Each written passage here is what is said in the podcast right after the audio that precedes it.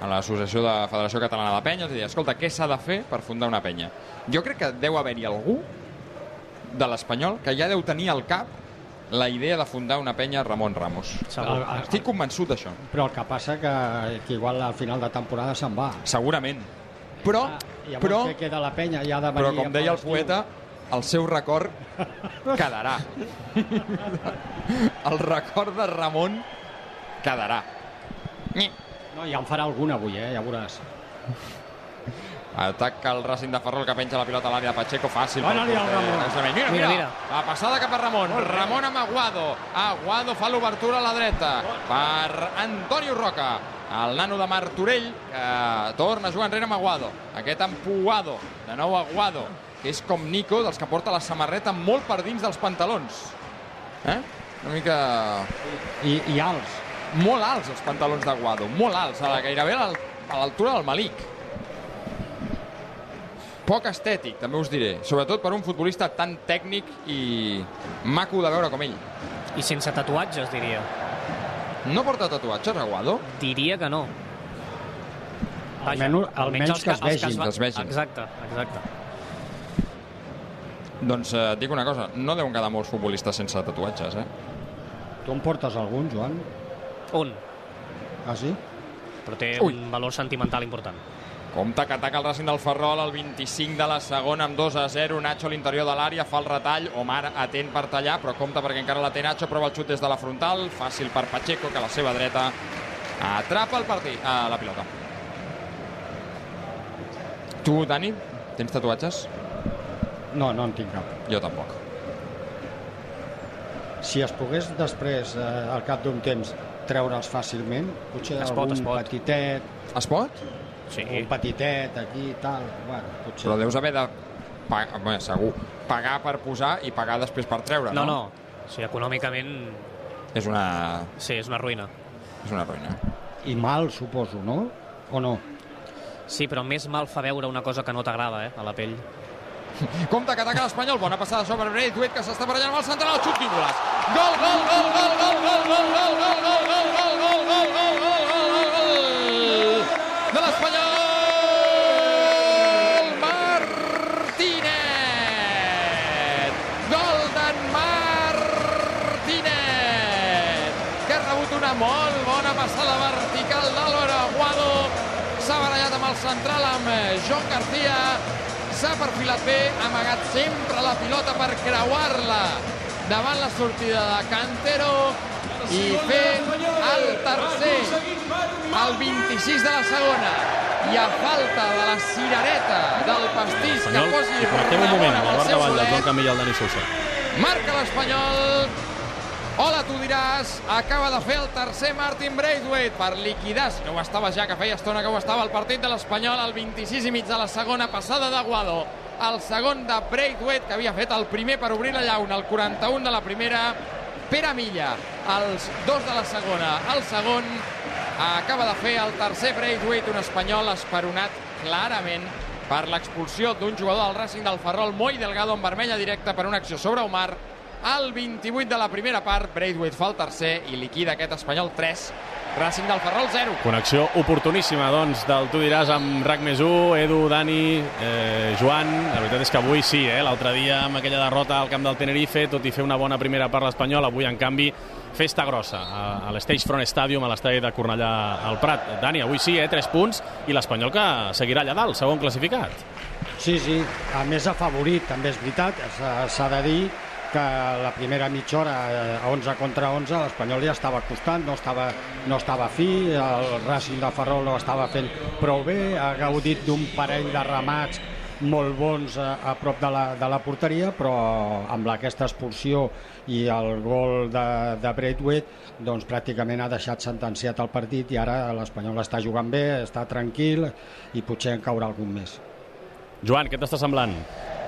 És el que hem comentat durant el partit. Jo crec que és el partit que necessitava l'Espanyol després d'aquesta derrota a Tenerife, que va jugar molt bé, però no va aconseguir cap punt.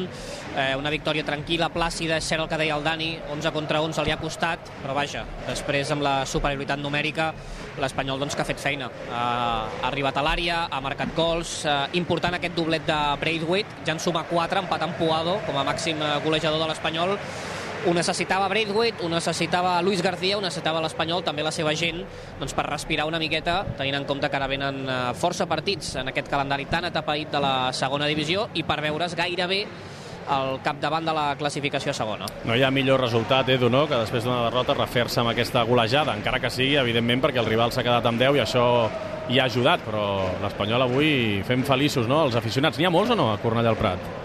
16.000, gairebé 17.000. bé. No, dèiem abans de començar que l'Espanyol necessitava, a banda de guanyar, òbviament, perquè venies de dues ensopegades, necessitava que l'afició s'ho passés bé, que l'afició s'ho passés bé. I el, i el partit mm, ha convidat això gràcies sobretot a aquella acció en què Moi Delgado ha estat expulsat en vermella directa. I a més tenia en compte, ara de- ho deia el Joan, que en els pròxims set dies tens dos desplaçaments, els dos contra equips que estan a la part baixa de la classificació. Dijous visites el QE, el Cartagena, però que ha canviat d'entrenador fa un parell de jornades i que et pot plantejar problemes. I després vas al camp del Villarreal B, d'avui en 8, la setmana que ve, el dilluns. Per tant, important seguir sumant i si no ets, pots ser líder, almenys ser segona. Un punt del Leganés, que en aquesta jornada és el nou líder de segona. Molt bé, companys, doncs partit liquidat. Tornem quan acabi. Moltes gràcies. Fins ara. Vinga, fins ara. Fins ara. 10 i 35. 29 i mig de la segona part, una mica més d'un quart d'hora i el que dèiem, important també fer rotacions i donar descans perquè aquí tres dies tens un altre partit contra el Cartagena que va jugar ahir i que té un 24 hores més de descans que tu. Sí, ha marxat uh, Calero, ha entrat uh, Ui. Sergi Gómez. Perdona, perdona, perdona. Oi, Ramon ha fet un misto, va volia rematar, la posa enrere Ramon. Rebutja la defensa. Ha volgut... Eh, ha, ha rebut una pilota a l'espai per la punta esquerra i ha volgut picar-la per sobre el porter. Ha fet un misto, però ell ja sabia... No era un misto, era una acció de... de, de D'estratègia. de- D'estratègia pensada per després fer una centrada. Se li ha quedat la pilota per poder marcar, eh? perquè el porter havia iniciat la sortida, li venia la pilota votant, és veritat que estava escurat a, a banda esquerra, però si amb l'interior del peu ho intenta, el que passa que fallar. A veure, no, a veure, mm, us ho dic seriosament. Um, a, a, això arribarà, o sigui, el gol arribarà. Llavors, hem de començar a definir, abans de que arribi, per tenir-ho clar, l'organigrama, val? perquè necessitem un president, vicepresident i vocals. Val? Qui vol ser president? I després el que podríem fer és convidar gent. Tu vols ser directiu de la penya Blanca i Blava Ramon? Qui podrien Jo, ser? Jo crec que el, el president ha de ser entre tu i el Dani, Dani, tu? perquè sou els dos que més heu insistit en Ramon. Jo vicepresident, president. Va, jo president. Va, jo president. Els, els vocals ja els tinc. Sí? Sí. Quants vocals? tres. Tres. Tres. Tenim el Joan, Sí? Sí? o el Joan el secretari. Secretari, correcte. Sí. Jo porto, jo porto els Sí. cafès. I el, no, i el, i el que, i el que, No, fa, no, i el que fa la rifa del pernil per Nadal. No, no. I, I després tenim el Jaume Molló El Jaume i el, Jaume, i el, i el Xavi, Xavi Puig. Puig, vocal. I Ja està. després, si d'això, el Dani 2. Al Dani 2 li Sí. podem donar una vocalia, també. D'acord. I després necessitem també un president d'honor. Com fa el Madrid, com fa el Madrid això que... eh, un exfutbolista. Jo crec que algun perico il·lustre podríem enganyar. Saps a qui Diego podríem Martínez. enganyar? ja sí, Diego Martínez, Clar, clar, molt bé, Joan. gràcies a ell, gràcies a ell està aquí. I enviar-li el carnet, eh? Exacte. I enviar-li el carnet de la penya. I anem un dia allà, eh, que té moltes ganes de veure'n segur, i, Sí, sí, i sí parlem amb ell. especialment, especialment a tu. Quan... No, tu vas acabar bé amb ell, no? Espero que sí, no ho sé, perquè... Va haver-hi missatge quan... No, no va quan, haver-hi, però... Quan va no, ser liquidat? No recordo cap episodi No. tens a No, no, la sala no. de premsa. Um, Mira, Doncs ja ho tenim. Ja tenim el- l'organigrama fet. Si, la, si marca Ramon, fundem la penya Ramon. I, eh, eh, de quin equip ve? De l'AC... De Olympiacos. L'Olimpiakos. I ara crits, perdó, de Ramon, Ramon, Ramon, eh? Un altre cop a l'estadi. És l'únic temporada- jugador que s'ha emportat una ovació d'aquesta... A veure, és que tipus, perdoneu, és que no estic fent broma. O sigui, si nosaltres Si fem la fundem la penya- penya, si fem la penya i aconseguim entrades, és que si volem un dia, omplim omplim mitja, mitja tribuna No, no. de la penya Ramon. I fem un viatge a Atenes quan estigui allà a l'Olimpiakos. A veure- a veure l'Olimpiakos. Sí, sí, sí. eh? La penya, Ramon es- desplaçada a a Olimpiakos contra No, i el perdona. Panathinaikos. I perdona. Um, firmes, a final de temporada, firmes, signatures, per demanar-li a Garagarza que com a mínim ampliï la sessió un any més. Jo ho veig claríssim.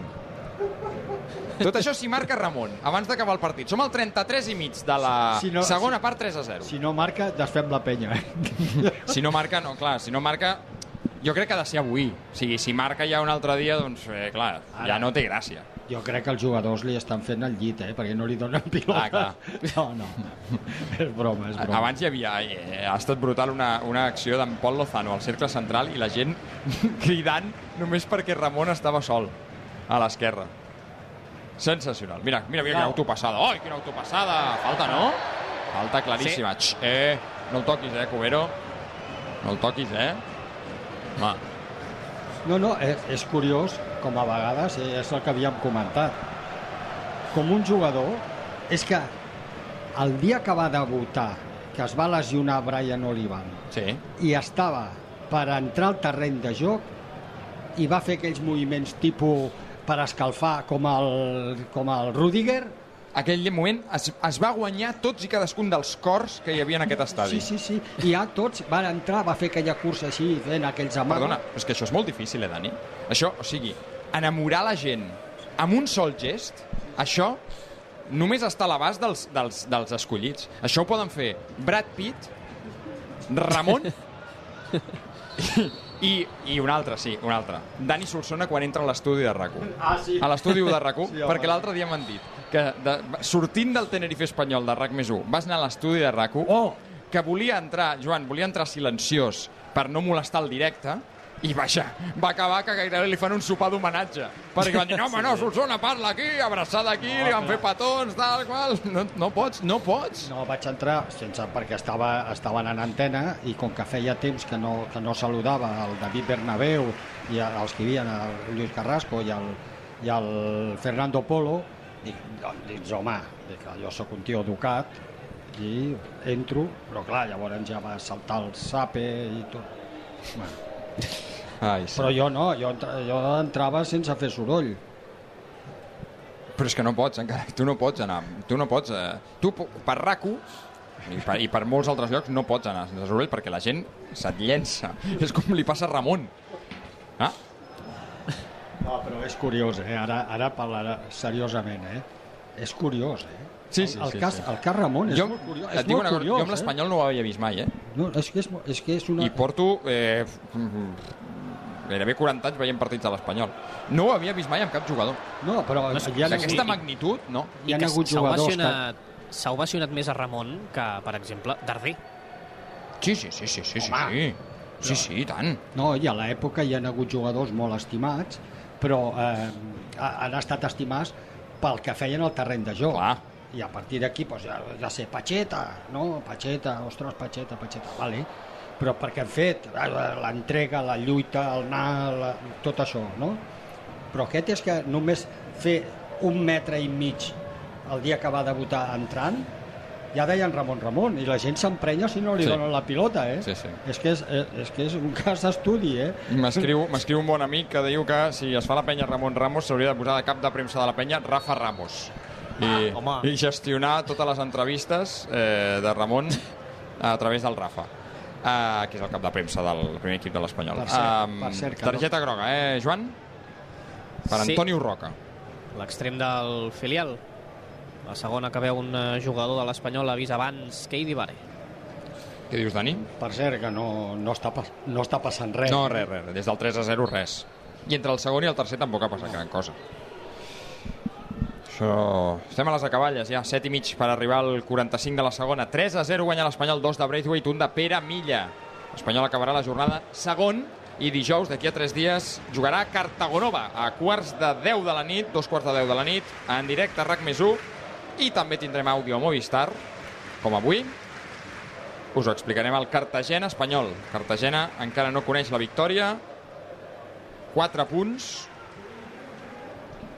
entrenador nou Calero, des no? d'aquest que sap... Sí, Julián Calero. Sí.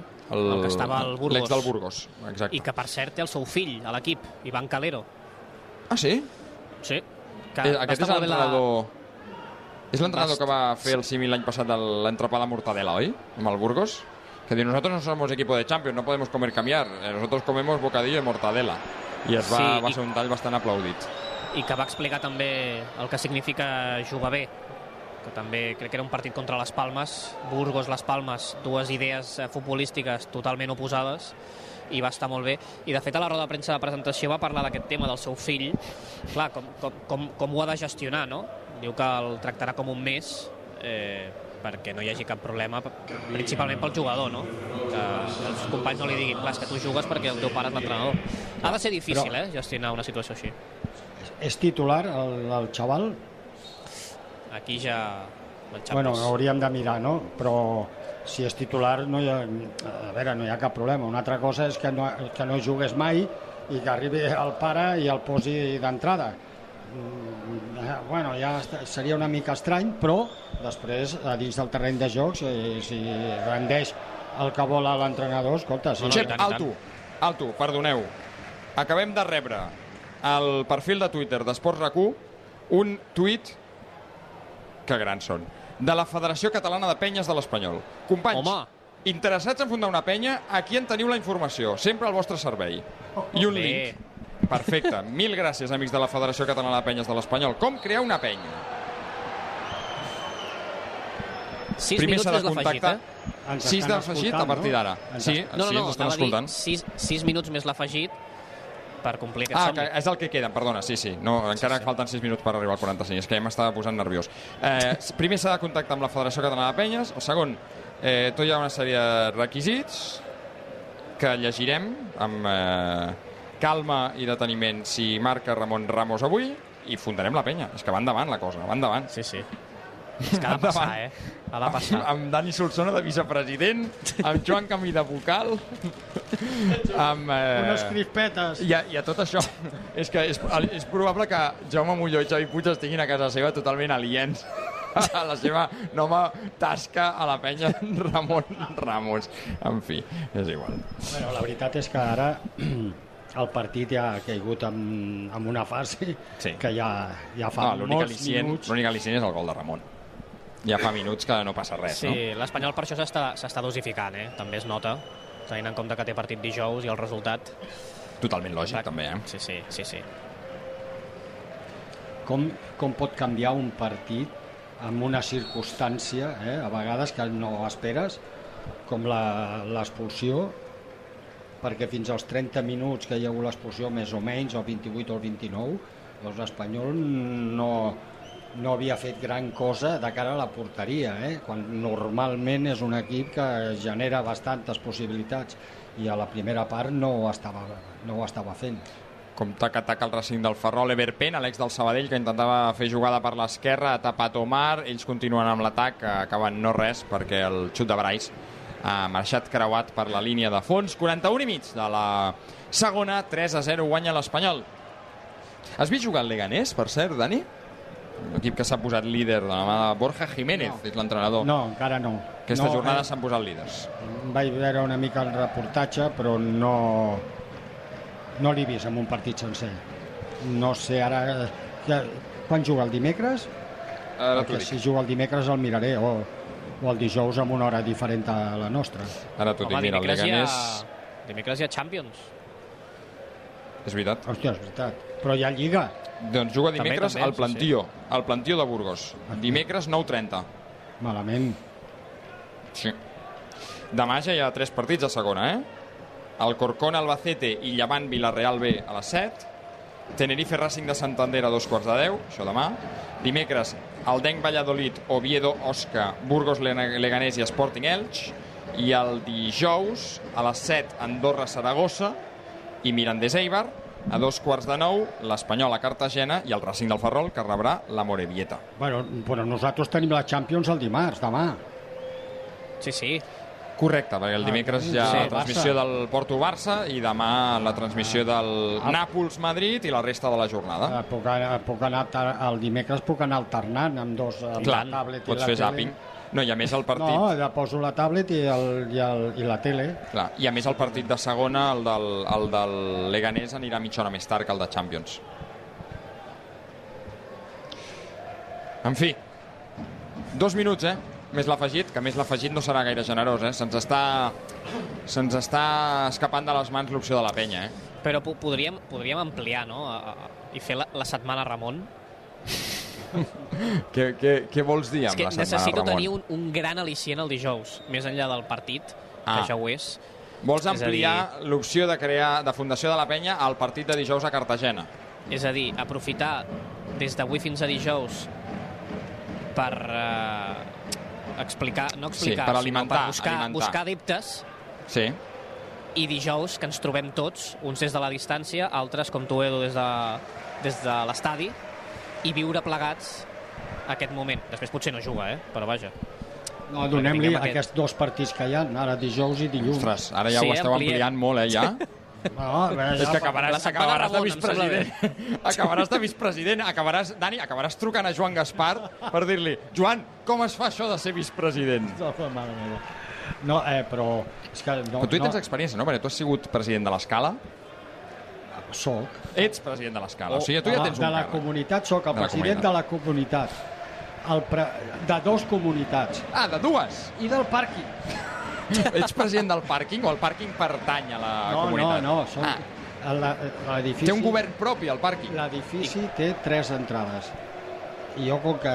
Bueno, jo sóc president d'una entrada i de l'altra. I a sobre el pàrquing també és, és, és a part. I, i quines tasques? Eh, Les tasques tens? és, eh, vaig, con- és com que saben que sempre estic per, a prop de casa i estic per allà, doncs, que sigui president el Dani. Dic, bueno, però jo cobro. Oh, Clar, tu pots ser president executiu. No, no, clar, si, voleu, si vosaltres voleu que jo sigui cada any president, escolta, pagueu una quota. 4 per, eh, pel final, perquè ara mateix arribem al 45, n'afegeixen 4, eh, Joan? Sí, ara I, mateix. I Ramon ha tocat la pilota, ha baixat la pilota amb el pit a l'interior de l'àrea, eh? Està buscant, està fent de davanter centre, eh? És que vol que li fundem la penya. És que ho vol. És que ho vol. Està fent de davanter centre o no? Bé, ja, llàstima, ara es canvia amb Braithwaite. Sí, Sí, sí, sí, No, però, quan, però quan ja, quan ja centrava se'n va al punt de penal, eh?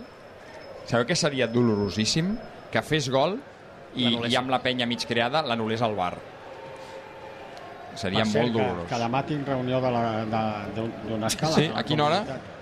A les sis i mitja. De la tarda. Sí, sí, dic que jo a les set i mitja o així haig de marxar, eh? Però qui l'ha posat l'hora? El gestor, La, la tele.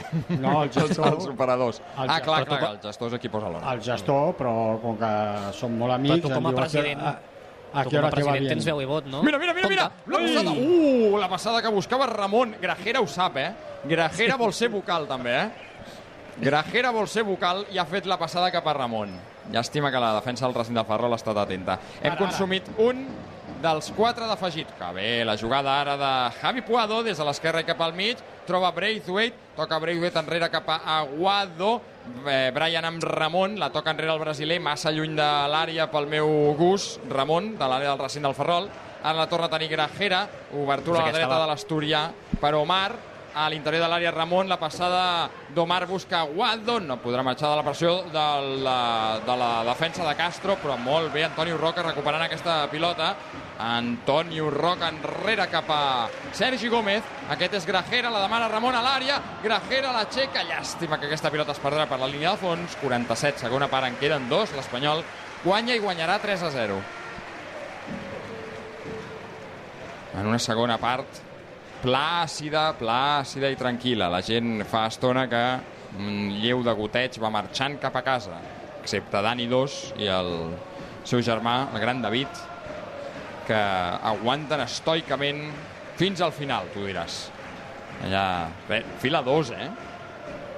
Dani 2, fila 2. Sí, sí.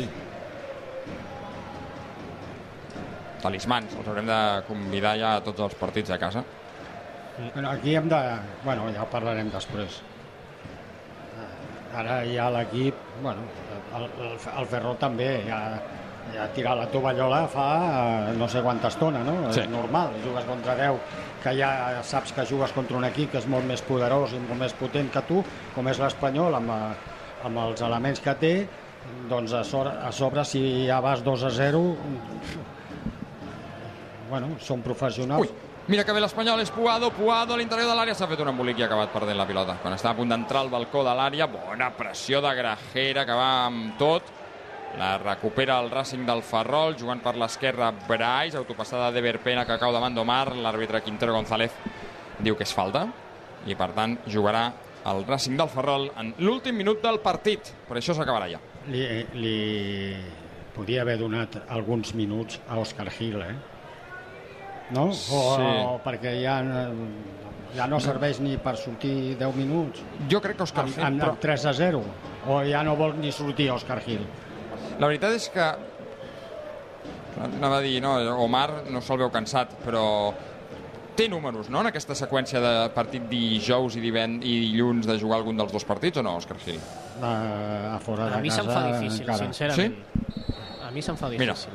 Xiula Quintero González, el col·legiat andalús del partit, que decreta el final d'aquest duel que ha estat molt descafeinat a la seva segona part perquè l'Espanyol ha sabut aprofitar la superioritat que li ha donat l'expulsió de Moi Delgado, jugador del Racing del Ferrol, al minut 28 i ha acabat guanyant 3 a 0, dos gols de Braithwaite, un de Pere Milla, els jugadors que celebren a la gespa. Joan, Sí, jugadors de l'Espanyol que reben la cordial salutació també dels del Ferrol molt cansats després d'estar doncs, eh, més d'una hora jugant amb un eh, futbolista menys aquí a Cornellà contra un dels millors equips, per no dir el millor equip de la categoria. També veiem a Luis García que saludava els eh, àrbitres i els assistents d'avui i els jugadors de l'Espanyol que es quedaran al terreny de joc agraint els 16.000, uns quants menys, que ja han anat desfilant, tenint en compte que demà han de treballar la gran majoria el suport dels aficionats blanc i blaus. Una victòria, ho dèiem, que necessitava l'Espanyol, que necessitava Luis García, que necessitava Braithwaite també, amb aquest doblet, com dèiem, ja empat amb Puado com a màxim golejador de l'Espanyol aquesta temporada, un jugador que ha de ser, o hauria de ser un luxe a segona divisió. I ara una nova final, un nou partit dijous contra el Cartagena i a sobre havem pogut dosificar molts futbolistes i havem pogut rotar en aquesta segona part pensant en aquest calendari tan atapeït de la sempre entretinguda segona divisió. Ara ho analitzarem tot plegat. Evidentment hi ha un abans i un després en la lectura del partit, aquesta expulsió de Moi Delgado al minut 28. Però, Dani, la primera lectura ràpida és que l'Espanyol ha aconseguit el que necessitava, una nit mm, plàcida a casa. Uh, sí, sí, sí, i, uh, i marcant tres golets, uh, vull dir, uh, s'ha tranquil·litzat tot, a vegades inclús jugant contra 10, a vegades et costa una mica perquè els equips et tanquen molt i no tens, i no tens la precisió necessària per fer les últimes passades, però ha, ha sigut tot molt fàcil, no s'ha tancat molt el, el Racing i l'Espanyol doncs, amb aquests tres gols ha viscut una nit tranquil·la a partir del minut 30 no? ara a pensar ja en el partit de, del Cartagena i després el dilluns contra el Villarreal B. Bueno, això dona tranquil·litat, serenitat per anar treballant, seguir treballant i eh, pensar en aquesta idea de, de, de Luis García. Però que hi ha alguns jugadors que quan eh, el partit eh, no, no està en la situació que els hi agrada, com per exemple hem vist a Nico Melamed, que avui no ha estat fi, que passa, eh? que vull dir, eh, a lo llarg d'una temporada no sempre jugues bé, perquè nosaltres som exigents, jo el primer, però entenc que hi ha partits que no et surten les coses per, perquè hi ha un contrari que et marca i, i, i, i, no, i no estàs bé. Però Nico Melamed és necessari, Puado també, ha passat una mica desapercegut, i esperem que Aguado es posi amb un to físic adequat perquè crec que es pot venir molt bé. Haurà de, de treballar perquè Keidi Vare ha agafat una mica també el, el ritme, però Aguado jo crec que pot ser un jugador que ens pot venir bé en aquesta zona del mig del camp, sempre i quan físicament es, es posi a tope, que s'hi posarà, no sé si d'aquí una setmana o d'aquí 15 dies. Sí, doncs eh, esperarem a fer la connexió d'una pausa pendent, però esperarem a fer la connexió amb el Tu diràs, perquè imagino que l'Aleix deu estar a punt de passar per aquí per eh, cantar també a l'antena de RAC1 la victòria final de l'Espanyol per 3 a 0 sobre el Racing del Ferrol. Um, important també, també ho analitzarem, important també que hagi pogut tenir aquests eh, ben bé mitja hora llarga de, no de descans, però sí de terreny favorable a l'Espanyol, eh, pel que deia en Joan també, de descansar futbolistes de cara, perquè l'Espanyol és de tota la segona divisió, m'atreviria a dir, mm, probablement amb el... No, el Racing del Ferrol deu tenir, deu tenir també eh, una agenda apretadeta en aquesta setmana, però són tres partits en set dies. Avui el primer, dijous a Cartagena i dilluns que ve a Vilareal contra el filial del conjunt Groguet. 11 en punt. Acabeu de, senyar, de sentir els senyals horaris de les 11. Eh, va, farem la pausa i eh, si cal ja connectarem amb el Tu diràs durant la publicitat per explicar el que ha estat aquesta victòria de l'Espanyol. Al final, Braithwaite per a Milla. Braithwaite, Espanyol 3, Racing del Ferrol 0. L'Espanyol juga a RAC 1. A CaixaBank sabem que acompanyar-te és estar amb tu sempre que ho necessitis. I com que volem que protegeixis el més important, et mantenim el preu de les assegurances de salut i de vida i de l'alarma Securitas Direct sense pujades durant 3 anys. Informa't en la teva oficina o a caixabank.cat.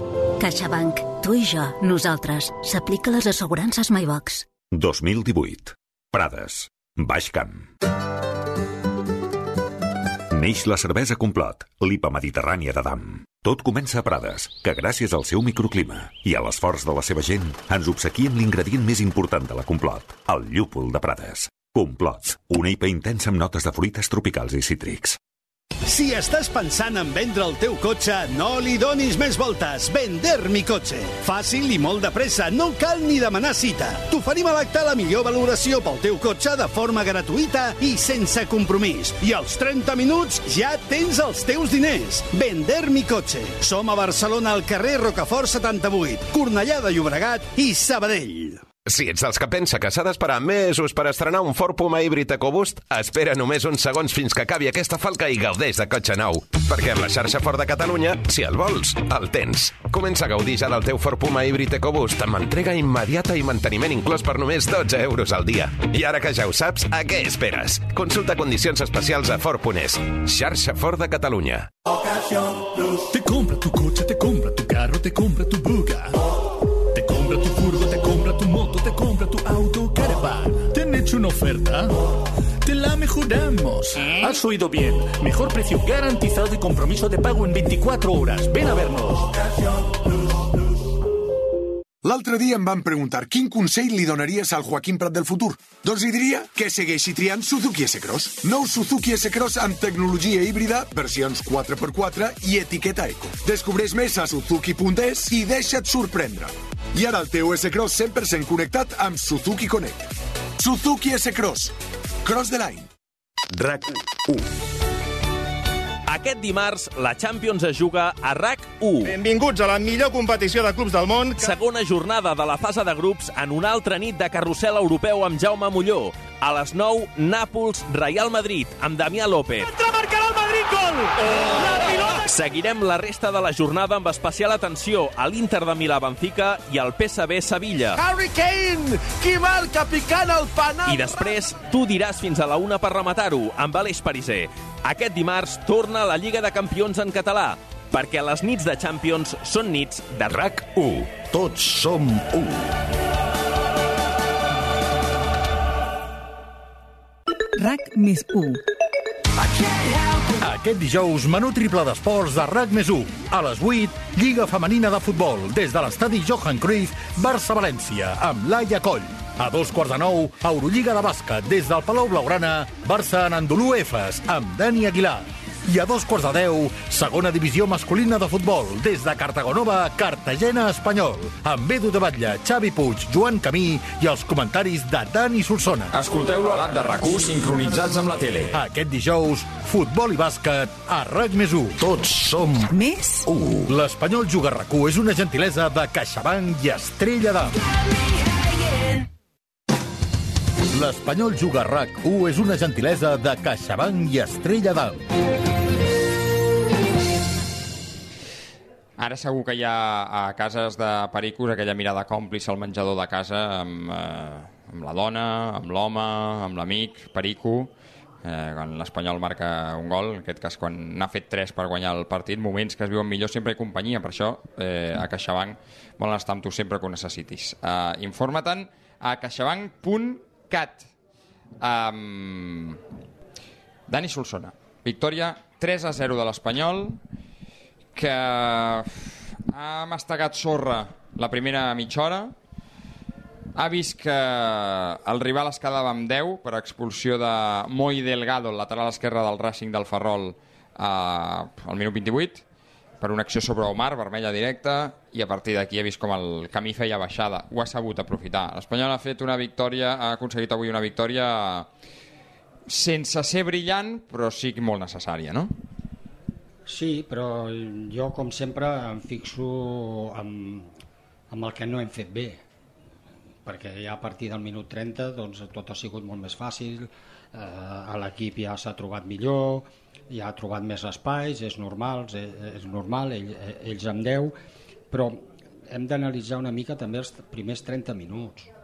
No? I la gent ara eh, explicar els 30 primers minuts dirà, escolta, avui hem guanyat 3 a 0 i... L'expresident espanyol no ha estat l'únic al vespre. Usted ha sido policía. Avui el Me costaba que su padre había... en Pedro Sánchez que necessita... Ja està. L'equip va tenir moltes més oportunitats que el Ui. rival, l'equip va acabar perdent per culpa d'una errada Se'ns individual. està colant alguna cosa, eh, Enric, em sembla? Ara, ara ho hem recuperat. Estem aquí, eh? Sí. Uh, Dani, no, deies. deia, no, deia que, home, que, que sí, que no anem a treure la il·lusió ni molt menys, jo també la tinc, com la tenim tots, no? que, que avui amb aquesta victòria, 3 a 0, anem a gaudir d'això, podien haver marcat algun golet més, s'han deixat anar al final, per què? Perquè també hi ha partits el, el dijous i el dilluns i tot, eh, tot es va acumulant, dona descans als jugadors, però, però bueno, ho hem, ho hem d'explicar tot i a mi m'agrada doncs, doncs, en aquests moments sempre explicar les coses que, que, bueno, que, que no s'han fet bé, sobretot a la primera part, perquè quan estàvem 11 contra 11, doncs ells han tingut un parell de rematades molt bones que podien inclús haver marcat i avançar-se en el marcador i haguéssim estat ja amb la mateixa situació que el dia de la Moreviet o el dia de l'Eldenc però, però nosaltres no, no hem tingut, així com el dia del Tenerife, el Llevant, vam, gaudir de moltes possibilitats i, i el Llevant les vam aprofitar, però el camp del Tenerife no, doncs avui en aquests primers minuts no les hem tingut. Després ha sigut una altra història, que a vegades també tot s'ha de dir, que a vegades jugues contra un rival que, juga contra, que jugues contra 10 i, i et compliquen molt perquè es tanquen molt, són molt defensius, eh, renuncien pràcticament a, a anar a l'atac i no trobes els espais, eh, els equips es precipiten i a vegades doncs, eh, no trobes els forats. A partir dels 30 minuts, quan no arribàvem amb certa claretat tampoc jugant contra 10, doncs eh, han optat, han optat eh, de, de fer centrades, tres, quatre seguides que hi han hagut i amb una d'elles doncs, a Braithwaite amb un gran salt ha rematat bé i ha marcat el primer i tot això fa que tranquil·litzi a tothom, als jugadors al públic i que al final el que compta és la victòria és el que estaven dient al principi jugues, no jugues tan bé i tal però s'ha de guanyar no? doncs avui han guanyat i donant una millor imatge sobretot en molts minuts de, torno a repetir des de l'expulsió i ara ja doncs, a veure si Aguado, com estava comentant, ja agafa el ritme més, més físic, es posa a to, pot ser un jugador interessant en aquesta zona del mig, anem a veure si Keita Valdé ja es recupera, i si es recupera anem a veure quin és el rendiment que pot donar. Escolta, han vingut, ara seguim amb l'anàlisi del partit, eh? però han vingut, Els bec, els bec, han vingut fans al teu bec. camerino. Han vingut a, camerino, a veure't després de l'actuació. Passa, passa, per no, favor. per no, favor. no, han vingut, han vingut a veure els dos, perquè a més, home, és, el nostre amic. El nostre amic Dani Dos, res, abraça't, abraça't, Espera, Ximo. espera que abraça't. Abraça't, abraça't. Dani Dos, que ve a la cabina de RACO amb el seu eh, germà en David. Que, que has de dir a veure com has vist el partit. Ara faig jo les preguntes. Vinga, per favor. Va, Com has, Entrevista de... Estem en antena RAC més 1, sí, sí, però això com, has, és... vi- com has vist el partit? Meravellós, molt a prop eh, i, i he de venir jo perquè guanyi 3 a 0 l'Espanyol, eh? això està molt bé, i posar-lo en, en ascens directe. El teu germà David s'ho ha passat bé? Sí, oi que sí? Eh? Molt, molt. Molt. Fantàstic, molt bé. Molt bé. Sí, sí, sí, sí. Doncs escolta, talismans, a partir d'ara esteu convidats a tots Perfecte, els partits de l'Espanyol, eh? Mal, malgrat que el teu germà sigui del Racing, no, s'ho ha passat bé. no, que és broma. Hi havia un tio del Racing de Ferrol al vell mig, un heroi allà, un, Sí? un crac, sí. Escolta, per cert, Dani, que tu no ho saps, però has estat a punt de ser... Eh, de, de tenir un càrrec. Vocal, vocal. Vocal de la penya. Eh, Ramon, és que hem dit que si avui marcava Ramon Ramos, Fèiem una penya. fèiem, crea, fundàvem la penya blanquiblava Ramon Ramos. I tu tenies una vocalia. Ah, molt bé, perfecte. Mm, No ha marcat, per tant, una feina que t'estalvies. Es manté això o no?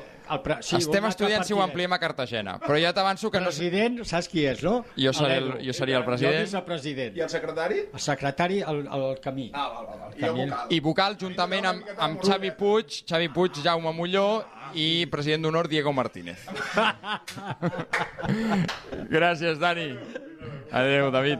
Una abraçada a tots dos. Um, Dani, uh, el que dèiem, um, el partit de dijous contra el Cartagena. Uh, un altre cop... Està, està a punt de començar Cristóbal Parralo. Ah, doncs mira, si vols escoltar algunes respostes del, del tècnic ¿Qué tal? Buenas noches.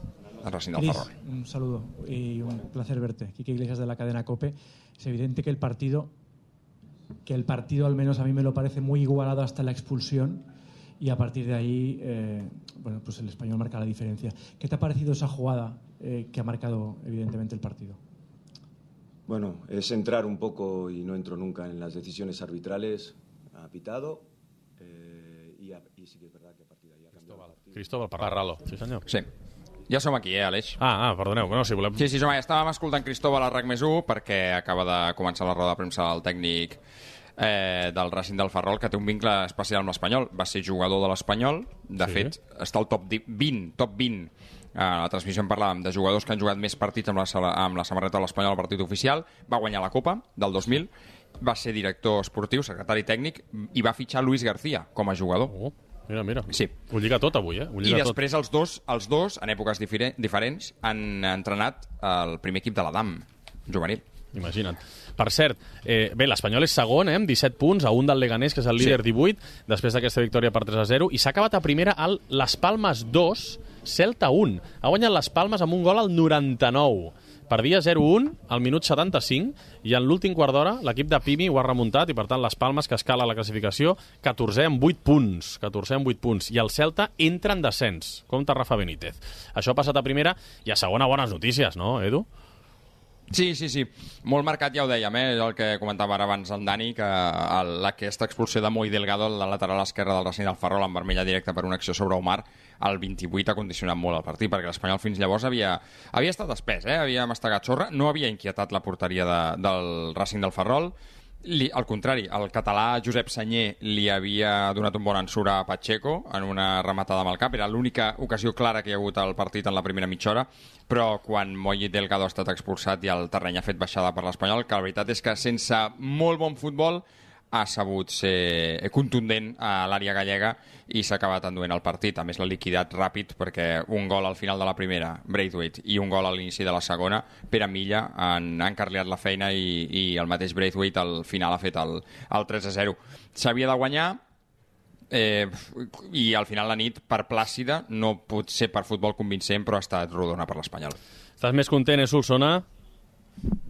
Sí, sí, sí, sí, quan guanyes eh, estàs content. Potser les sensacions de la primera mitja hora no, no, han, no han estat bones, però sí que després a, a l'Espanyol eh, molta comoditat, amb un Racing que no ha vingut a tancar-se, i clar, jugant amb, amb 10 i el potencial que té l'Espanyol eh, en atac, doncs han facilitat les coses. I al final doncs, eh, s'han deixat anar una mica, l'Espanyol ja amb aquest 3 a 0 ja, jo suposo que pensant ja amb els propers partits perquè eh, hi ha un altre partit el dijous camp del Cartagena i després el dilluns següent camp del Villarreal B doncs, eh, donar descans a molts jugadors de, dels titulars pensant ja en, en aquests dos partits. Molt bé. Doncs apa, acabar de gaudir. Eh, Joan, escoltem protagonistes després, a veure què diu Luis García a la sala de premsa. Perfecte. Vinga. Ara.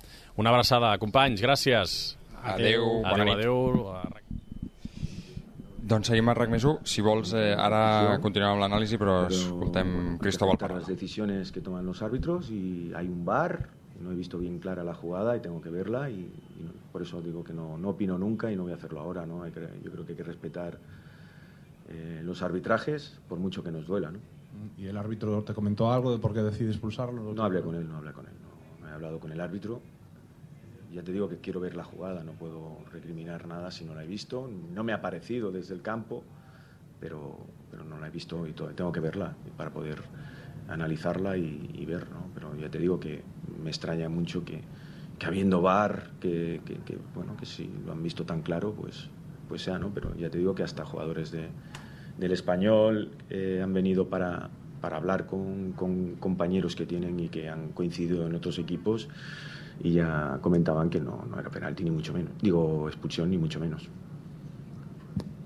Sí, hola, buenas noches, señor Parralo, José Agustín de Onda Cero. Eh, os comentaba ahora, el segundo gol, tal como habían preparado el, el descanso, es lo que realmente le ha roto ya el partido a, a su equipo. Sí. Porque con el 0-1, planificándolo en un descanso, lo que decía, buscar una contra, apurar al equipo, buscar que, que no se sintieran tranquilos. Bueno, la idea es que lógicamente ya se había puesto el partido muy cuesta arriba. Lo que intentábamos es que la diferencia no aumentara y poder llegar a los últimos 10 minutos eh, con un marcador ajustado e intentar, pues en acciones a balón parado, en alguna transición, hacerles daño y buscar eh, sacar algo positivo, ¿no? Esta era la idea. La segunda cuestión, usted que ha vivido en esta casa, ¿cree que el español es el gran favorito para subir? Eh, ah, yo creo que tienen una plantilla muy impresionante, ¿no? Yo creo que tienen un equipo muy bueno y a mí me encantaría que, que subieran. Es un club al que quiero mucho, eh, tengo muy buenos recuerdos y espero que consigan el ascenso. Como crees que lle pode afectar anímicamente o resultado do equipo a 72 horas o que queredes canto antes de volver a xogar, supoño? Ah, Yo estoy convencido que el equipo va a estar en pie otra vez el jueves. Eh, ahora se trata de recuperarse bien, de, de intentar eh, rearmarse y, y no te queda tiempo para lamentarte, ni, ni pensar más en lo que dejamos ah, el partido de hoy, sino pensar en lo que no viene. Creo que comentaches antes algo, pero hai, hai trocos hoxe, cambios que estaban pensados para tamén o que hai por diante, que é a Morevieta e Cartagena, entendo, non? Refiro a Señé que non, supoño que non tiña ningún problema físico, ou sí? No, no tenía ningún, ningún problema, lo que pasa es que al quedarte con 10 per Josep intentas Senyer i eh, els, els casos eh, individuals esperarem a que, a que comenci la roda de premsa Luis García perquè encara vull escoltar un parell de reflexions d'en d'en Dani Solsona eh, respecte perquè aquell, aquell meló que jo he obert al descans i n'heu parlat una mica um, el Joan apuntava el factor psicològic eh, pel fet que l'Espanyol potser li costi una mica més a casa que a fora. Parlo de trenar bon futbol més enllà de treure els partits perquè al final l'Espanyol a casa si no m'equivoco en quatre partits ha fet eh, 3 i 3 eh, 10 punts. 10 punts de 12 només s'ha deixat dos punts contra l'Aldenc. Per tant els números són millors a casa que a fora això és indiscutible 3 victòries i un empat de 4 partits i a fora has aconseguit dues victòries un empat i una derrota són 7 punts i a casa 10. O sigui, els números a casa són millors, cosa que també és lògica, li passa a la immensa majoria dels equips a segona o a qualsevol categoria. Però el futbol, eh, jo crec que en- estem veient un, un espanyol, no sé quin és l'adjectiu que li haurien de posar, si solvent, si vistós, si bonic, a fora que a casa. Si, si lúcid, si voleu, un, per, per posar un, un adjectiu una mica més pragmàtic. Eh, estàs d'acord, Dani, amb això? Que l'Espanyol està jugant millor fora que a casa? S'està reconeixent més a fora que a casa? No. No? Jo, jo diria que aquí a casa és un equip solvent, malgrat eh, aquests dos partits de, a Morevieta i, i el Denc, però jo crec que mm, ha d'anar a més. I, i el problema d'aquesta possible pressió que poden tenir els jugadors perquè estan a segona, eh, han de guanyar, s'ha de jugar bé i, i, i la gent a vegades els fa anar més ràpid de, de, del que haurien d'anar. Però això, eh, eh, això es treballa, això... Tra treball mental, treball mental, de dir, escolteu, eh, això és l'entrenador, el, el, el cos tècnic, dir, vosaltres toqueu, escolta, que la gent eh, veu que, no, que l'equip no acaba d'arribar, no crea ocasions, vosaltres esteu tranquils, que el joc nostre i la filosofia i la proposta és aquesta. I tard o d'hora arribaran les possibilitats sigui a la primera mitja hora o sigui a la segona part a la darrera mitja hora. Per què? perquè els equips han de fer esforç tremendo amb el camp, eh, sapiguem que és l'Espanyol, que han de córrer el doble eh, que corren habitualment, però clar, dius, hi ha jugadors joves, sí, però també hi ha jugadors experimentats. O sigui, tu tens en defensa tens tres jugadors i el porter quatre. Que ja, com aquell que diu, tenen els collons pelats de jugar.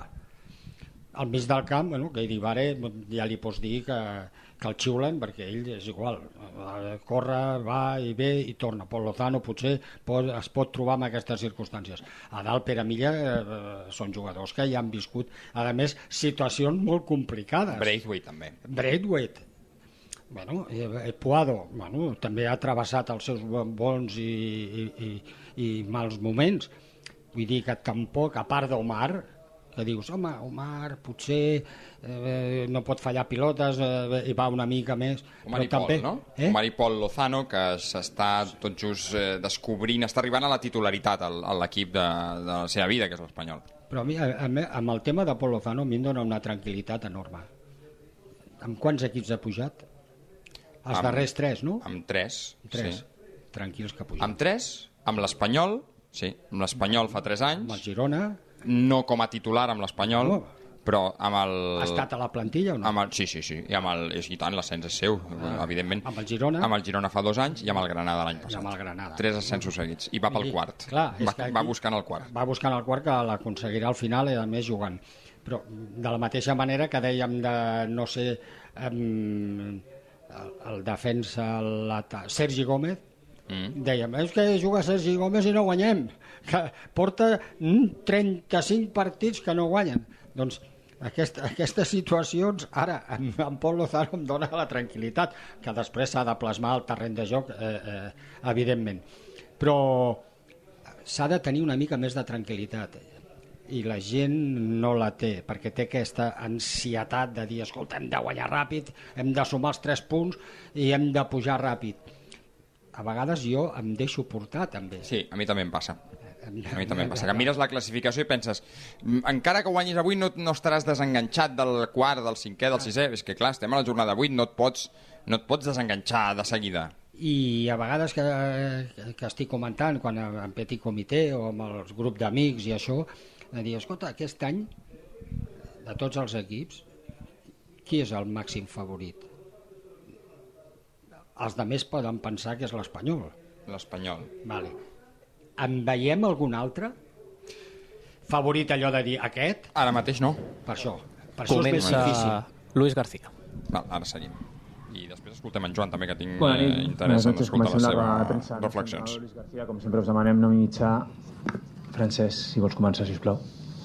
Mister, eh, buenas noches. Enhorabuena por la victoria. Eh, le iba a decir que tocaba un partido más tranquilo que los anteriores, porque habían sido toda una, una ruleta de emociones. Pero la realidad es que el partido ha tenido algunos momentos, por ejemplo, cuando se ha avanzado, cuando ha tenido la posibilidad de avanzarse eh, con la parada extraordinaria de Pacheco el, el, equipo rival y también la expulsión que no sé si ha condicionado o no un poco el resto. Dígame su opinión. Bueno, eh, enfrentábamos a un, a un muy buen rival, un rival que no lleva 12 puntos por casualidad, que ganó a, al Zaragoza cuando era líder y no había perdido un solo partido, con un grandísimo entrenador eh, como es Cristóbal. Y a partir de ahí lo que te puedo decir es que no hay partido fácil en la segunda división, que cualquier rival te puede generar situaciones como, como así ha sido la que comentas en una parada, por cierto, extraordinaria de, de Pacheco.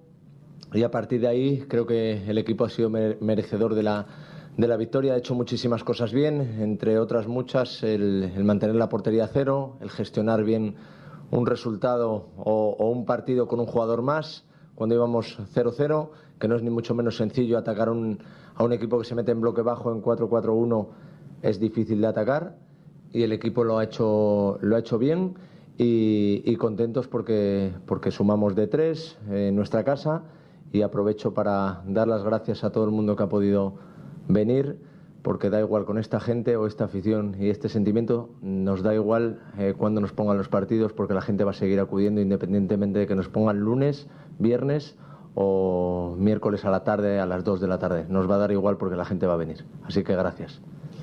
Eh, perfecto, le quería eh, poner acento en, un hombre que ha hecho hoy dos goles, Martin Brightwaite. Eh, a veces parecía, también por todo lo que sucedió al inicio de la temporada, de la pretemporada, que el jugador no estaba a lo mejor tan satisfecho. Hoy se le ha visto celebrar los goles con mucha rabia, con mucha alegría. Eh, la recuperación de el que tiene que ser uno de los mejores delanteros de la competición, sin duda, una gran noticia. ¿no? Totalmente, siempre lo he destacado y, y excepto el, el, desliz que tuvo en, en Marbella, es un profesional intachable, un profesional que lleguemos aquí a la hora que lleguemos, las 3, las 4 de la mañana, eh, tiene a todo el mundo en vilo para que haya agua fría, para que se pueda tratar, para que pueda estar en perfectas condiciones. Eh, con nutricionista, aparte del que tenemos, que es excepcional del club, tiene gente aparte que le ayuda, eh, profesional de máximo nivel. Entonces, tenemos la suerte de tenerlo y de disfrutarlo. Hoy ha hecho un grandísimo partido, no solo en la fase ofensiva con dos grandes goles, sino en la fase defensiva ha estado extraordinario, ha acosado como, como nunca y ha impedido muchas veces la progresión del rival y eso para nosotros es, es fundamental, que la gente de arriba sienta como los que tenemos detrás y eso es fundamental. Aquí dalt, uh, Luis, enhorabona per la victòria. Sergi Andreu, Catalunya Ràdio. Com, com d'important és, després de venir d'una derrota, tornar a agafar el camí de la victòria i més en un tram de temporada dur, perquè venen molts partits en pocs dies i a més a més deixant la porteria a zero, és a dir, pel context ¿Quién es el, valor que le donas a esta victoria? Bueno, no seré yo quien le quite un ápice de, importancia a esta victoria porque desde fuera puede parecer sencillo, pero ni, mucho menos es así. Es realmente complicado, vuelvo a repetir, independientemente de que se hayan quedado con un jugador menos, el equipo ha hecho muchas cosas bien para, para ganar. Ahora viene un maratón de, de partidos donde eh, tenemos poco tiempo para recuperar de aquí al, al jueves. Empezamos a jugar ese partido desde esta noche, se lo he dicho a ellos desde el buen descanso, de hidratación, eh, comida, horas de sueño, todo eso es fundamental para llegar al, al próximo partido con, con, garantías y tenemos la suerte de tener una plantilla que, que está comprometida con, con, esto. Entonces, en ese sentido estamos tranquilos, tenemos grandísimos profesionales también para, para lograr buenas horas de, de recuperación y a, preparar el partido del jueves, que será otra historia diferente. Hola, Lluís, bona nit. Joan Camí de, de RAC, un parell de preguntes. La, la primera, preguntar-te per Keidi Vare, més enllà de l'assistència que ha fet avui en el primer gol de, de Braithwaite, la sensació des de fora és que és un jugador que està fent coses bastant diferents de les que feia l'any passat o inclús al llarg de la seva carrera. Eh, com valores eh, la seva aportació no només avui, sinó aquesta, aquesta temporada? Bueno, pues muy feliz por, por él, porque nosotros solo tratamos de guiarle dentro de un, de un modelo y de una forma de, de jugar y eso es eh, valor único y exclusivo suyo, de humildad, de, saber escuchar, de, querer aprender y creo que está desarrollando una forma de jugar que no había jugado hasta el momento, de saber esperar, de ser menos móvil, de, de entender cuándo es receptor y cuándo no, eh, dando una grandísima asistencia de, gol. A nivel defensivo, ya os lo dije el otro día, que nos aporta muchísima, muchísima energía y, sinceramente estoy muy feliz por él y por, y por todos los jugadores que están, que están a muy buen nivel. Es, es importante para nosotros. I abans ho deies, les dificultats que generen els equips quan us defensen en, en bloc baix, un escenari que probablement us trobareu moltes vegades durant la temporada. Què li demanes, què li exigeixes a l'equip quan passa això? Gràcies. Bueno, sobre todo primer tiempo ellos se estrechaban mucho, había poco espacio entre líneas, eh, teníamos bastantes situaciones para poder generar dos contra uno por fuera. Brian ha hecho un gran esfuerzo ante un ante un muy buen rival, le ha exigido muchísimo a nivel defensivo. En el momento que se han quedado con 10, eh, en el descanso hemos corregido y hemos, nos hemos puesto en un 4-3-3 clásico para generar situaciones de dos contra uno por fuera y que si se abrían esos extremos poder filtrar acciones de, balón por dentro. Así ha sido el gol de, de Martin y, y, bueno, pues la verdad que en ese sentido tenemos que ser verticales, sobre todo por la, con la gente de fuera, generar situaciones de dos contra uno, amenazar con, con unos contra uno y, atacar bien el área, más las vigilancias que hoy creo que hemos estado muy muy bien ante un, ante un equipo que, que transitaba también bien, excepto una vez que, que Lele ha, hecho, ha recuperado muy muy bien en una transición, no nos han cogido ninguna y eso es muy importante para nosotros porque nos permite volver a atacar. Hola Luis, aquí Jaume Rielo de Radio Nacional. Te pregunto por una curiosidad, mismo 11 que el día de Tenerife, no sé si es una cosa casual o es una manera de, de decir que más allá del resultado de esa derrota, estabas contento con lo que viste en el terreno de juego. Bueno, es que soy un entrenador que no cree en el, en el resultado única y exclusivamente, creo mucho en el, en el proceso. Eh, a lo mejor parece una locura lo que, lo que voy a decir, pero la derrota del otro día eh, nos hizo más fuertes, sobre todo en cuanto a la idea, en el cómo, que le damos eh, muchísimo valor. Al final, buscar solo un resultado de cualquier manera te puede llegar un día, pero el cómo seguramente te dé ese resultado que buscas durante más tiempo y lo puedas alargar en el tiempo y puedas tener un modelo durante tiempo en un, club. Nosotros buscamos eso que creemos que es lo que nos acerca a ganar. Después, evidentemente, nunca tenemos la verdad absoluta, cada uno entiende el fútbol de una manera. Hemos decidido repetir el 11, pero, pero bueno, pues a lo mejor es una, una casualidad o no, pero sí que estábamos contentos y creíamos que, que con ese equipo podíamos eh, iniciar hoy eh, e independientemente creo que también podía haber iniciado cualquier otro compañero porque, porque lo hubiera hecho también muy bien. Bona nit, míster. Oriol Vidal, TV3. Eh, M'agradaria preguntar-te com has vist la jugada de l'expulsió. Cristóbal ha comentat aquí que alguns jugadors de l'Espanyol havien dit als seus que no els semblava potser expulsió. No sé com ho has vist tu. A mí me ha parecido muy clara. De hecho, eh, se están penalizando muchísimo este tipo de situaciones porque peligra la integridad del, del jugador, independientemente que sea nuestro de, o de otro eh, equipo. Son jugadas peligrosas y los, las están sancionando así, así que poco que decir para mí, Clara. I després et volia preguntar per la nit rodona que, que suposa tot plegat, no? a banda de tot el que hem comentat amb els companys, rodatge per pràcticament tot l'equip, minuts per Aguado, jugadors com Grajera que no havien participat. Això per arribar amb tothom endollat és vital. Sí, es importante, pero creo que hay que hacer un matiz. Nosotros no regalamos los minutos a nadie. La gente que ha participado es porque se lo ha ganado, porque está día a día empujando, ayudando, a veces con menos minutos, a veces sin minutos, pero el día a día dan el callo y, y los jugadores que tienen minutos lo, lo, merecen. Nosotros, o personalmente yo, eh, jamás me han regalado nada en la vida y yo no voy a regalar nada a nadie. Y estoy contento con, con toda la plantilla, cómo está, cómo está empujando y cómo está ayudando cuando les toca. Hola, aquí arriba, Kiki Iglesias, Cadena Cope. Felicidades por la victoria, entrenador. Eh, le han preguntado por casi todos, casi que, me, que solo me queda preguntarle por, por Paul Lozano. De, decías en la previa algo así como que a veces tenía que tener partidos de fijar para fijar a, a, los rivales y otros de más participación. Hoy, desde luego, al menos a mí me ha parecido un partido muy bueno de, de este futbolista. ¿Es quizá la mejor versión la de hoy que hemos visto de Paul Lozano? Bueno, creo que está muy bien, sobre todo a nivel defensivo, a nivel de duelos ha sido más, más intenso que, que otras veces, es algo que le, que le, pedimos y le exigimos y si quiere seguir creciendo como futbolista tiene que seguir implementando eso. Eh, con respecto a lo que comentas, eh, es que se puede jugar bien al fútbol sin tocar el balón. La gente puede creer que es lo contrario, pero hay momentos donde tú sin tocar el balón estás jugando bien.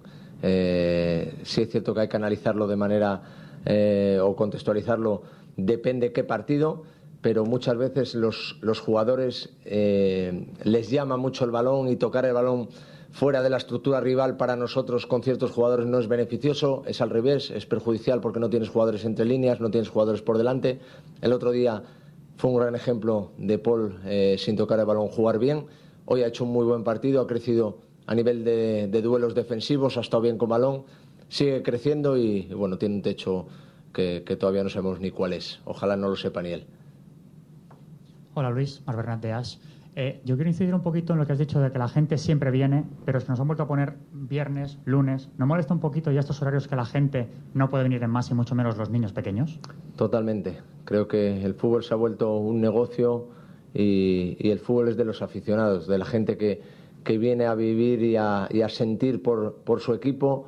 Esto puede vender muchísimo, pero, pero a nosotros nos, nos hace daño, porque, o al fútbol en general le hace daño porque las aficiones lo sufren, porque a nosotros nos va a tocar prácticamente de 10, 11 jornadas la mitad o lunes o viernes y eso es doloroso para nuestra afición y sí es cierto que, bueno, pues si se puede quejar uno, se tiene que quejar porque no es normal que, siempre nos toque a nosotros y vuelvo a reiterar las gracias eternas a, a nuestra gente porque da igual cuando nos pongan los partidos porque ellos siempre están y es para agradecérselo. Sí, a su derecha, señor García José Agustín Onda Cero. Dentro del crecimiento y del aprendizaje de, este equipo que todavía tiene que, adquirir con el paso de, las semanas y de los entrenamientos, una de las asignaturas pendientes es en determinados momentos de los partidos darle más velocidad al balón para poder resquebrajar esas defensas que usted siempre está mm, definiendo como muy sólidas, muy retrasadas, muy juntas las líneas. Bueno, es que nosotros eh, hay veces que, que la gente confunde velocidad de balón con desestructurar al rival. Nosotros creemos más en, ir a dividir, en, en generar eh, fijaciones en los rivales para poder a partir de ahí progresar en el juego. Hay veces que esa velocidad de balón te lleva a la precipitación. Tenemos que entender el juego, cuándo toca darle velocidad o cuándo toca pisar el balón y esperar a que el rival te salte. En, ese, en esa interpretación está el crecimiento y creo que el equipo cada vez va, va creciendo más en esa idea. La segunda cuestión, durante la primera parte del, partido hemos visto muchas conversaciones entre Brian y, Cabrera, sobre todo en la construcción del juego. ¿Qué problema existía en ese momento por esa banda izquierda? Porque había veces, había veces que, que Brian estaba excesivamente alto, Lele no tenía pase fuera, con lo cual eh, le obligaba de alguna manera a jugar dentro cuando estaba todo igualado. En el momento que Brian se ponía en una buena altura, ya hacía dudar a su extremo si saltaba o no, ya hacía dudar al lateral si saltaba o no, ya había jugadores intermedios y, eso es donde se podía generar la, ventaja para, progresar. Brian estaba muy pendiente de poder amenazar el espacio por ese lado porque creíamos que le podíamos penalizar con, la defensa de, su extremo y, que no atacara tanto. Y bueno, pues ha sido un, tema de, ajustar un poco la altura, pero lo, que más feliz me hace es que eh, muchas de las correcciones las hacen ellos porque entienden a qué queremos jugar y eso es, eso es fundamental, porque como el que está en el campo no lo siente nadie. Moltes gràcies a tothom.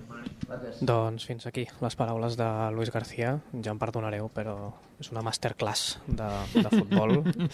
A mi és que, a mi és que m'encanta, de veritat, no, no, no, no me n'amago. I a més, les explicacions, les explicacions que dona, el per què de les coses, per què passen unes eh, unes altres, tant en la victòria com en la derrota, no sé. Jo agraeixo aquest tipus de, de respostes i també em quedo amb, amb això dels horaris que ha comentat, que evidentment doncs, Mhm. agraïment etern a tota la gent que s'ha apropat avui, sent dilluns a les 9 de la nit, i que evidentment doncs, condiciona que pugui haver-hi més gent i que tant de bo canvi a partir dels següents partits. Dani, que ens vol fer el salt. El secretari de la penya Ramon vol fundar la seva pròpia penya, Luis García Fernández. Té un, té un cartell a casa, a l'entrada. No, eh, a banda de, de vacilar-te, eh, jo estic bastant d'acord. A més, és... és eh, Luis García ha tingut un parell de relliscades a la sala de premsa en el temps que porta d'entrenar a l'Espanyol.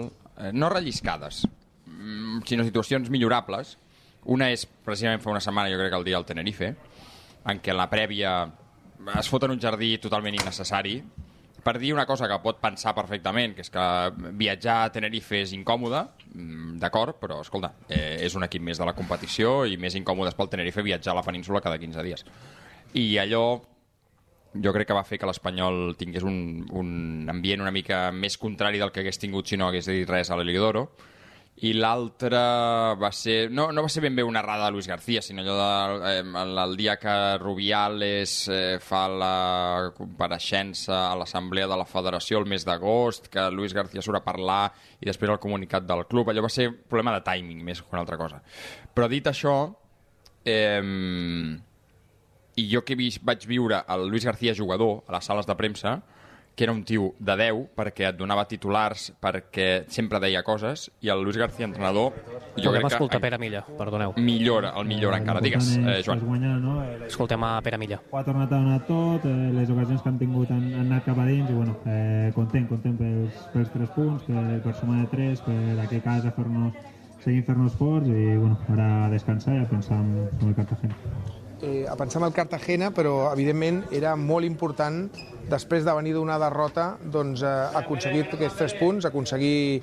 No m'estàs escoltant bé? Perquè estàs una mica lluny. doncs no, que doncs era important doncs, eh, aconseguir aquesta victòria, no? perquè tranquil·litzar una mica la gent i també doncs, eh, a canviar una mica la dinàmica. Sí, veníem de, de la derrota allí a Tenerife, on crec que vam mereixer més, però, però bueno, eh, avui l'equip ha estat, ha estat molt bé en, en totes les línies, eh, crec que ells han tingut una ocasió que, que ha parat Pacheco només i bueno, eh, content, content per, per tres punts, aquí, aquí a casa com t'he dit abans, eh, seguim fent-nos forts aquí aquí i bueno, eh, ja té eh, tranquil·litat, eh, a poc a poc i bona lletra. Pere, com, com t'estàs trobant tu? Ja fa més d'un mes que has arribat a, a l'Espanyol. Eh, quines sensacions tens, més enllà del, del gol d'avui, evidentment? Bé, molt, molt content. Jo vaig el, el primer dia, els, els companys m'han agafat amb els, amb els braços oberts i estic molt content. Com em sento? Molt bé. Com a casa. Ara m'estan preguntant estan preguntant per la, per la idea de joc i aquesta derrota a Tenerife que els ha reforçat. En el fútbol profesional la vez que, que, más ocasiones ha, he tenido en, en, un equipo y lamentablemente te vas con, con cero goles a favor, ¿no? Eh, bueno, eh, hoy hemos tenido quizá algo de menos ocasiones, hemos metido más goles que el otro día y al final la, la clave está en, la portería cero, ¿no? eh, yo creo que eh, le exigimos mucho a, los centrales que, nos metan eh, pases, que jueguen la pelota, pero bueno, eh, ellos también nos exigen a nosotros que seamos la primera línea de presión, ¿no? Y creo que esa es, es la clave. Uh, pels horaris, com els hi senta jugar els futbolistes en aquests horaris? Bueno, yo creo que eh, para mí el fútbol los lunes no, no se debería jugar, ¿no? Eh, pero bueno, es lo que nos mandan y pues, pues hay que jugar. Eh, esto es un espectáculo eh, para que venga la, la, gente al estadio y el fútbol se tendría que jugar los, los fines de semana. És, és aviat encara, però com d'important és que situeu l'equip ja, després de vuit jornades, segona posició, establir-se, afiançar-se aquí dalt? Sí, eh, l'important és estar allà dalt, però el més important és estar a la jornada 42, quan s'acabi la competició, estar entre, entre els dos primers, no? Eh, no conec a ningú que hagi, que hagi pujat a la jornada 10, ni a la jornada 15, ni a la jornada 20, no? Tothom puja a la jornada 42, així que molta tranquil·litat, eh, important estar, estar allà dalt, però ja et dic, eh, a pensar en el, en el Cartagena, eh, anem partit a partit i amb molta tranquil·litat. Eh, li has dedicat al Mauro, el teu fill? Sí, sí, el meu fill i a, i a la dona. Sí, molt bé, bona nit. Doncs fins aquí les paraules de Pere Milla, molt content, evidentment, després de la victòria, després del gol, amb dedicatòria especial. El seu fill va ser pare fa res, dues setmanetes. Sí. Mm -hmm. Com es deia, Mauro? Mauro, sí, sí. Mauro Milla. Mauro Milla. molt bé. És l'únic jugador de l'Espanyol que sortirà en zona mixta, Joan? Va, sí, sí. Doncs això, res, un parell de reflexions ràpides abans de tancar, que ja es falten 4 minuts per 3 quarts de 12 i ja està tot el peix venut. Um, deia en Joan, i exagerant, perquè ja és el, una mica la, la broma, però a mi m'agrada molt Luis García en sala de premsa. Sí, amb això us dono tota la raó, però per una raó molt senzilla, perquè com que ens agrada el tema futbol, ell explica futbol. Quan li fas una pregunta per què aquell jugador anava a la dreta en lloc d'anar a l'esquerra, i et dona l'explicació. I això és el que ens agrada a la majoria de gent. El que passa que hi ha entrenadors que no diuen res, no, dissimulen. I ell ho explica. I això és d'agrair, perquè inclús nosaltres que estem aquí dalt, hi ha coses que se'ns escapen. Només faltaria. No? Que dius, hòstia, i per què aquell jugador ha fet... I per què ara juga allà? i llavors nosaltres li, li, volem, li volem buscar les explicacions i donem la nostra opinió però realment per què ho ha fet? Ho ha fet expressament, no ho ha fet expressament estava calculat, no estava calculat i això amb una roda de premsa és, és or pur no, I a més que és un tio que, bueno, aquí no... Eh, si, si algú no li cau bé dirà que és populista.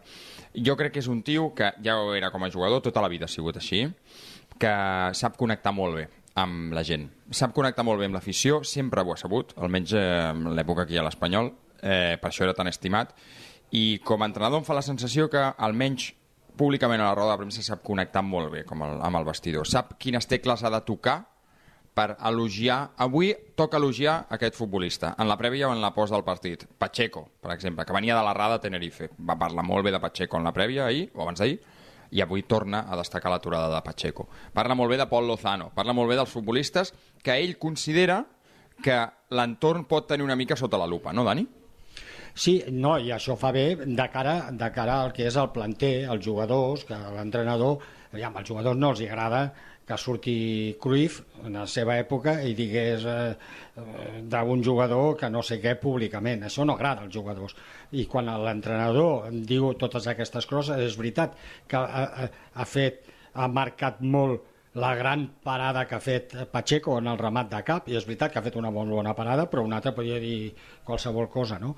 Però jo crec que és, independentment de tot això que és important de cara, de cara a la, al planter de jugadors, és el, el to i de la manera que s'ho expressa.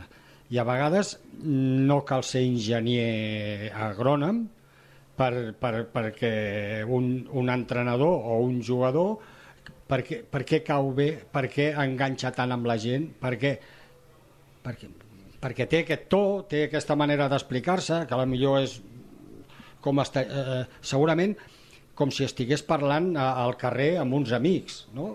I això a la gent li agrada, i si a sobre t'explica els motius del per què fa una cosa o una altra, doncs, hòstia, això, això és una meravella, eh? Perquè, clar, després et surt tots els respectes que han guanyat tot, jo que sé, d'altres entrenadors, o, per exemple, que et surt uh, Ancelotti i et diu, eh, el tema Nacho, diu, li ha faltat lucidez. Bueno, vale, dale, ja. Vull dir que cada un s'explica. Xavi també a vegades quan li interessa també en diu alguna de cosa i tal, no? Però aquest és... Eh, escoltar-lo és una meravella. Sí. Joan, eh, m'estàs content, imagino, no?, pel, del partit de l'Espanyol? Sí, a veure, evidentment, ja, ja ho hem comentat, eh, però l'expulsió condiciona totalment, és una, és una realitat. Uh, jo aquí discrepo una mica amb Luis García, no em sembla tan clara, sincerament, no em sembla, no em sembla tan clara. Uh, també és veritat que és una decisió que si ha decidit expulsar-lo com ha estat el cas tampoc em sembla un robatori ni no. molt menys però, però, però vaja, i perdona que et és una jugada incís, grisos, però... no? correcte, estem d'acord que sí. si l'àrbitre de camp no l'hagués expulsat, a Moi Delgado, segurament el bar no li hagués dit que anés a mirar la vermella per una possible sí. vermella directa, no? Correcte. I a partir d'aquí doncs, canvia, el, canvia el partit. És cert que moltes vegades també veiem que quan el rival es queda amb un jugador menys doncs costa, costa bastant, sempre, no? Tendim a pensar, ostres, era molt més fàcil i moltes vegades és, és, és difícil i, i fins i tot hi ha hagut equips que, que els hi ha costat i no han, no han sumat la victòria ja ho he dit abans, el partit que necessitava l'Espanyol, més que el partit, el resultat, tenint en compte que vens una derrota i un empat, el partit que necessitava Braithwaite per retrobar-se doncs, amb, amb el gol, per retrobar-se també amb la gent a, a Cornellà, per... Eh, Ara ja no li dius fugado? És veritat, és veritat. Ara ja no és el fugat. No, no. Avui no ha aparegut aquesta paraula a la transmissió. Sí, sí, sí, sí quan hem sí? cantat la línia... Sí, sí, quan hem cantat ah, l'alineació. Jo fins que... Jo, jo el perdonaré en dues situacions. Una, si demana perdó, evidentment. Jo no sóc una persona... És a dir, cosa que no passarà. Cosa que no passarà, i no ha Perquè passat, ja, òbviament. Ja, ja ha passat molt de temps, no? Ell ja entén que no ha de demanar perdó. I si arriba als 25 gols.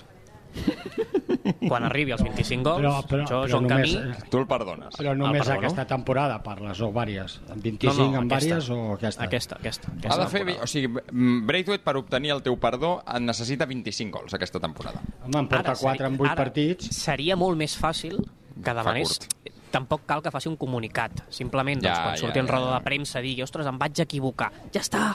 Després ja no caldrà que marquis... A pregunta teva o no cal? No, no, no.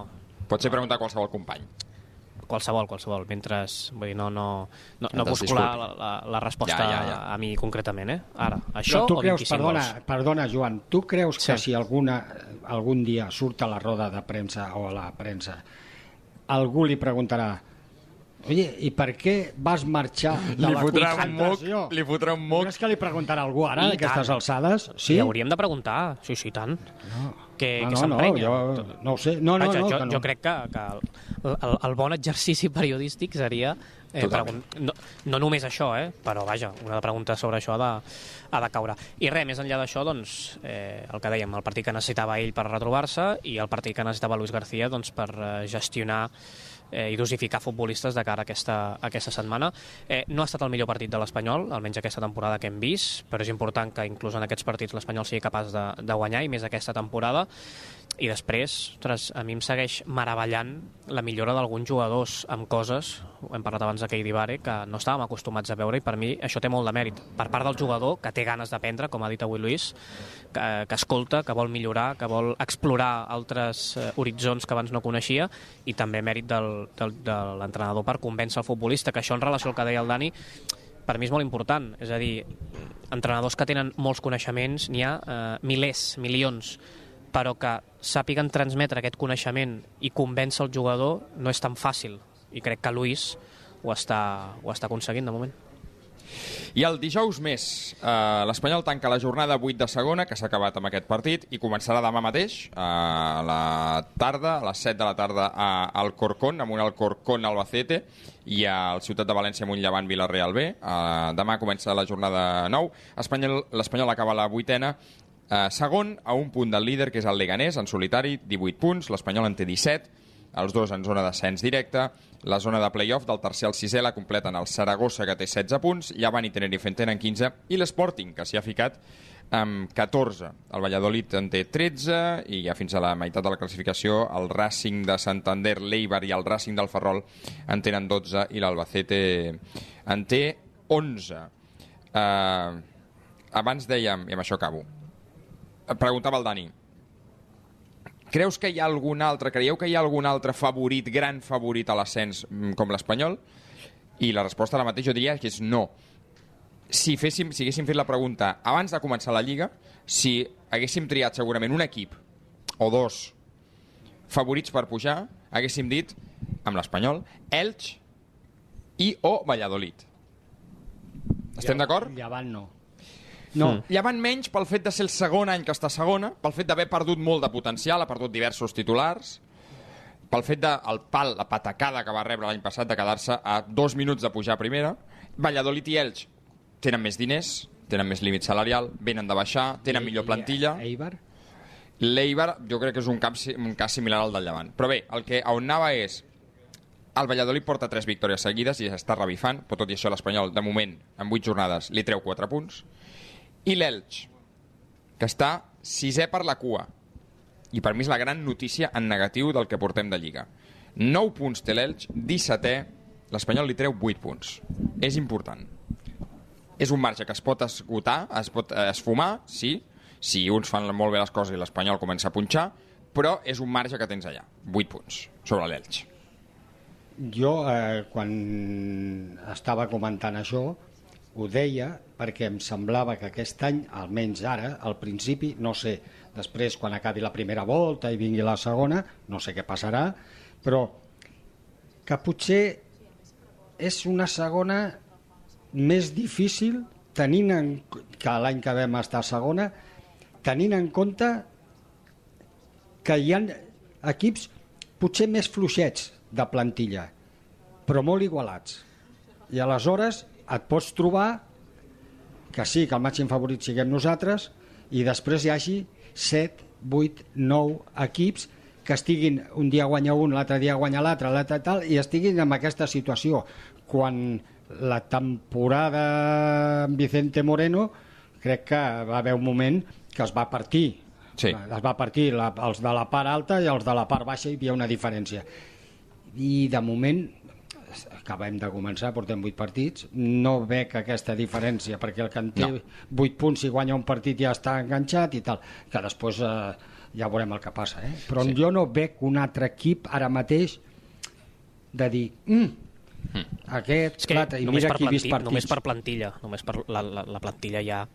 És que jo crec que potser en el dia a dia hi haurà accidents com l'altre dia a Tenerife o vindrà algun equip aquí a Cornellà i, i, i plantejarà problemes però és que a la llarga, vaja, es fa molt difícil amb tot el respecte de, per tots els equips, eh? però es fa molt difícil que, que aquesta plantilla no estigui a dalt eh, gairebé tota Sí, la temporada. I, i, I fixa't que la plantilla, si vas a mirar, jugadors que acaben d'arribar, només hi ha per a Milla.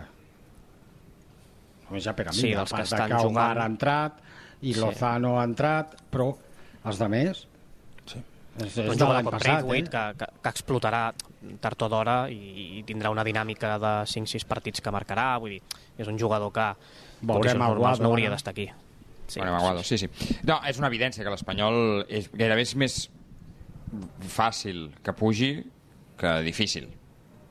Això estarem d'acord. Però Sí. també estarem d'acord en què la segona divisió, i no és cap tòpic, no és cap tòpic, la segona divisió és una divisió molt particular.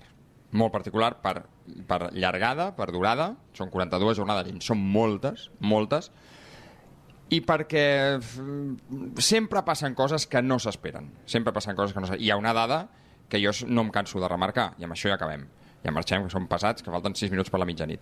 Hi ha una dada que a mi em crida molt l'atenció, que és que l'Espanyol i el Mallorca, la temporada que pugen, 2021, són els dos últims equips que han pujat en ascens directe, sense fer playoff, abans de l'última jornada de la Lliga regular. Això vol dir que les dues últimes temporades, la passada i l'anterior, els quatre equips que han pujat directe, les dues primeres places, el primer i el segon de la Lliga, han pujat matemàticament l'últim dia de la Lliga regular. I això ja et diu moltes coses de la igualtat d'aquesta categoria. Però bé, esperem que aquest any no sigui així i esperem que, evidentment, un dels dos, si pot ser el primer, millor, però bé, un dels dos que pugi directe sigui l'Espanyol. Ens eh, tornem a escoltar el dijous, que tenim triple menú a RAC més 1. Des de quarts de vuit ens hi posem amb en Puig, dirigint la nau. A les 8, Barça femení, València, de, de Lliga. A dos quarts de nou, Barça, Efes, primera jornada d'Eurolliga al Palau, amb en Dani Aguilar, el femení, el Johan Cruyff, haurà la Laia Coll. I a dos quarts de deu, des de Cartagonova, l'Espanyol visita el CUE. Cartagena Espanyol, amb el senyor Dani Solsona, amb el senyor Joan Camí i amb servidora de vostès. Prepara't un concurs amb algun premi, eh? Sí, el que passa és que el següent partit a casa no serà fins de dues jornades. Però bé, sí, farem un premi, si voleu. Va, farem un premi el dia del Cartagena. O potser mira el dia del Villarreal, no? Millor? Sí, millor, millor. El millor el dilluns, que anirem Home, sols, Home, no anirem avui, tan acompanyats. avui el, el recital de Joan Camí ha sigut increïble, eh? Amb, encertant en Diego López. En quin, en quin camp? Ah, sí, sí, sí. sí, encertant Diego López perquè i encertant vist el 3 dels Twitter. 5 tres dels 5 jugadors amb més partits a la història de l'Espanyol, eh? Sí, però palmant al públic, eh? Palmant al públic davant del líder. Joan, eh, gràcies i bona nit.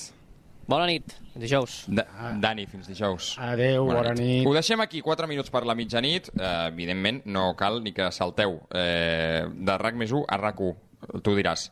Eh, perquè allà, entre altres coses escoltarem um, les reaccions de Luis García resumides i les de Pere Milla. Si no les heu pogut seguir, que crec que sí en aquest post a RAC més 1 gràcies per ser-hi, ens tornem a escoltar dijous. Eh, i per cert que m'ho he descuidat, el gran Enric Soto. Gràcies també al gran Enric Soto dirigint la nau.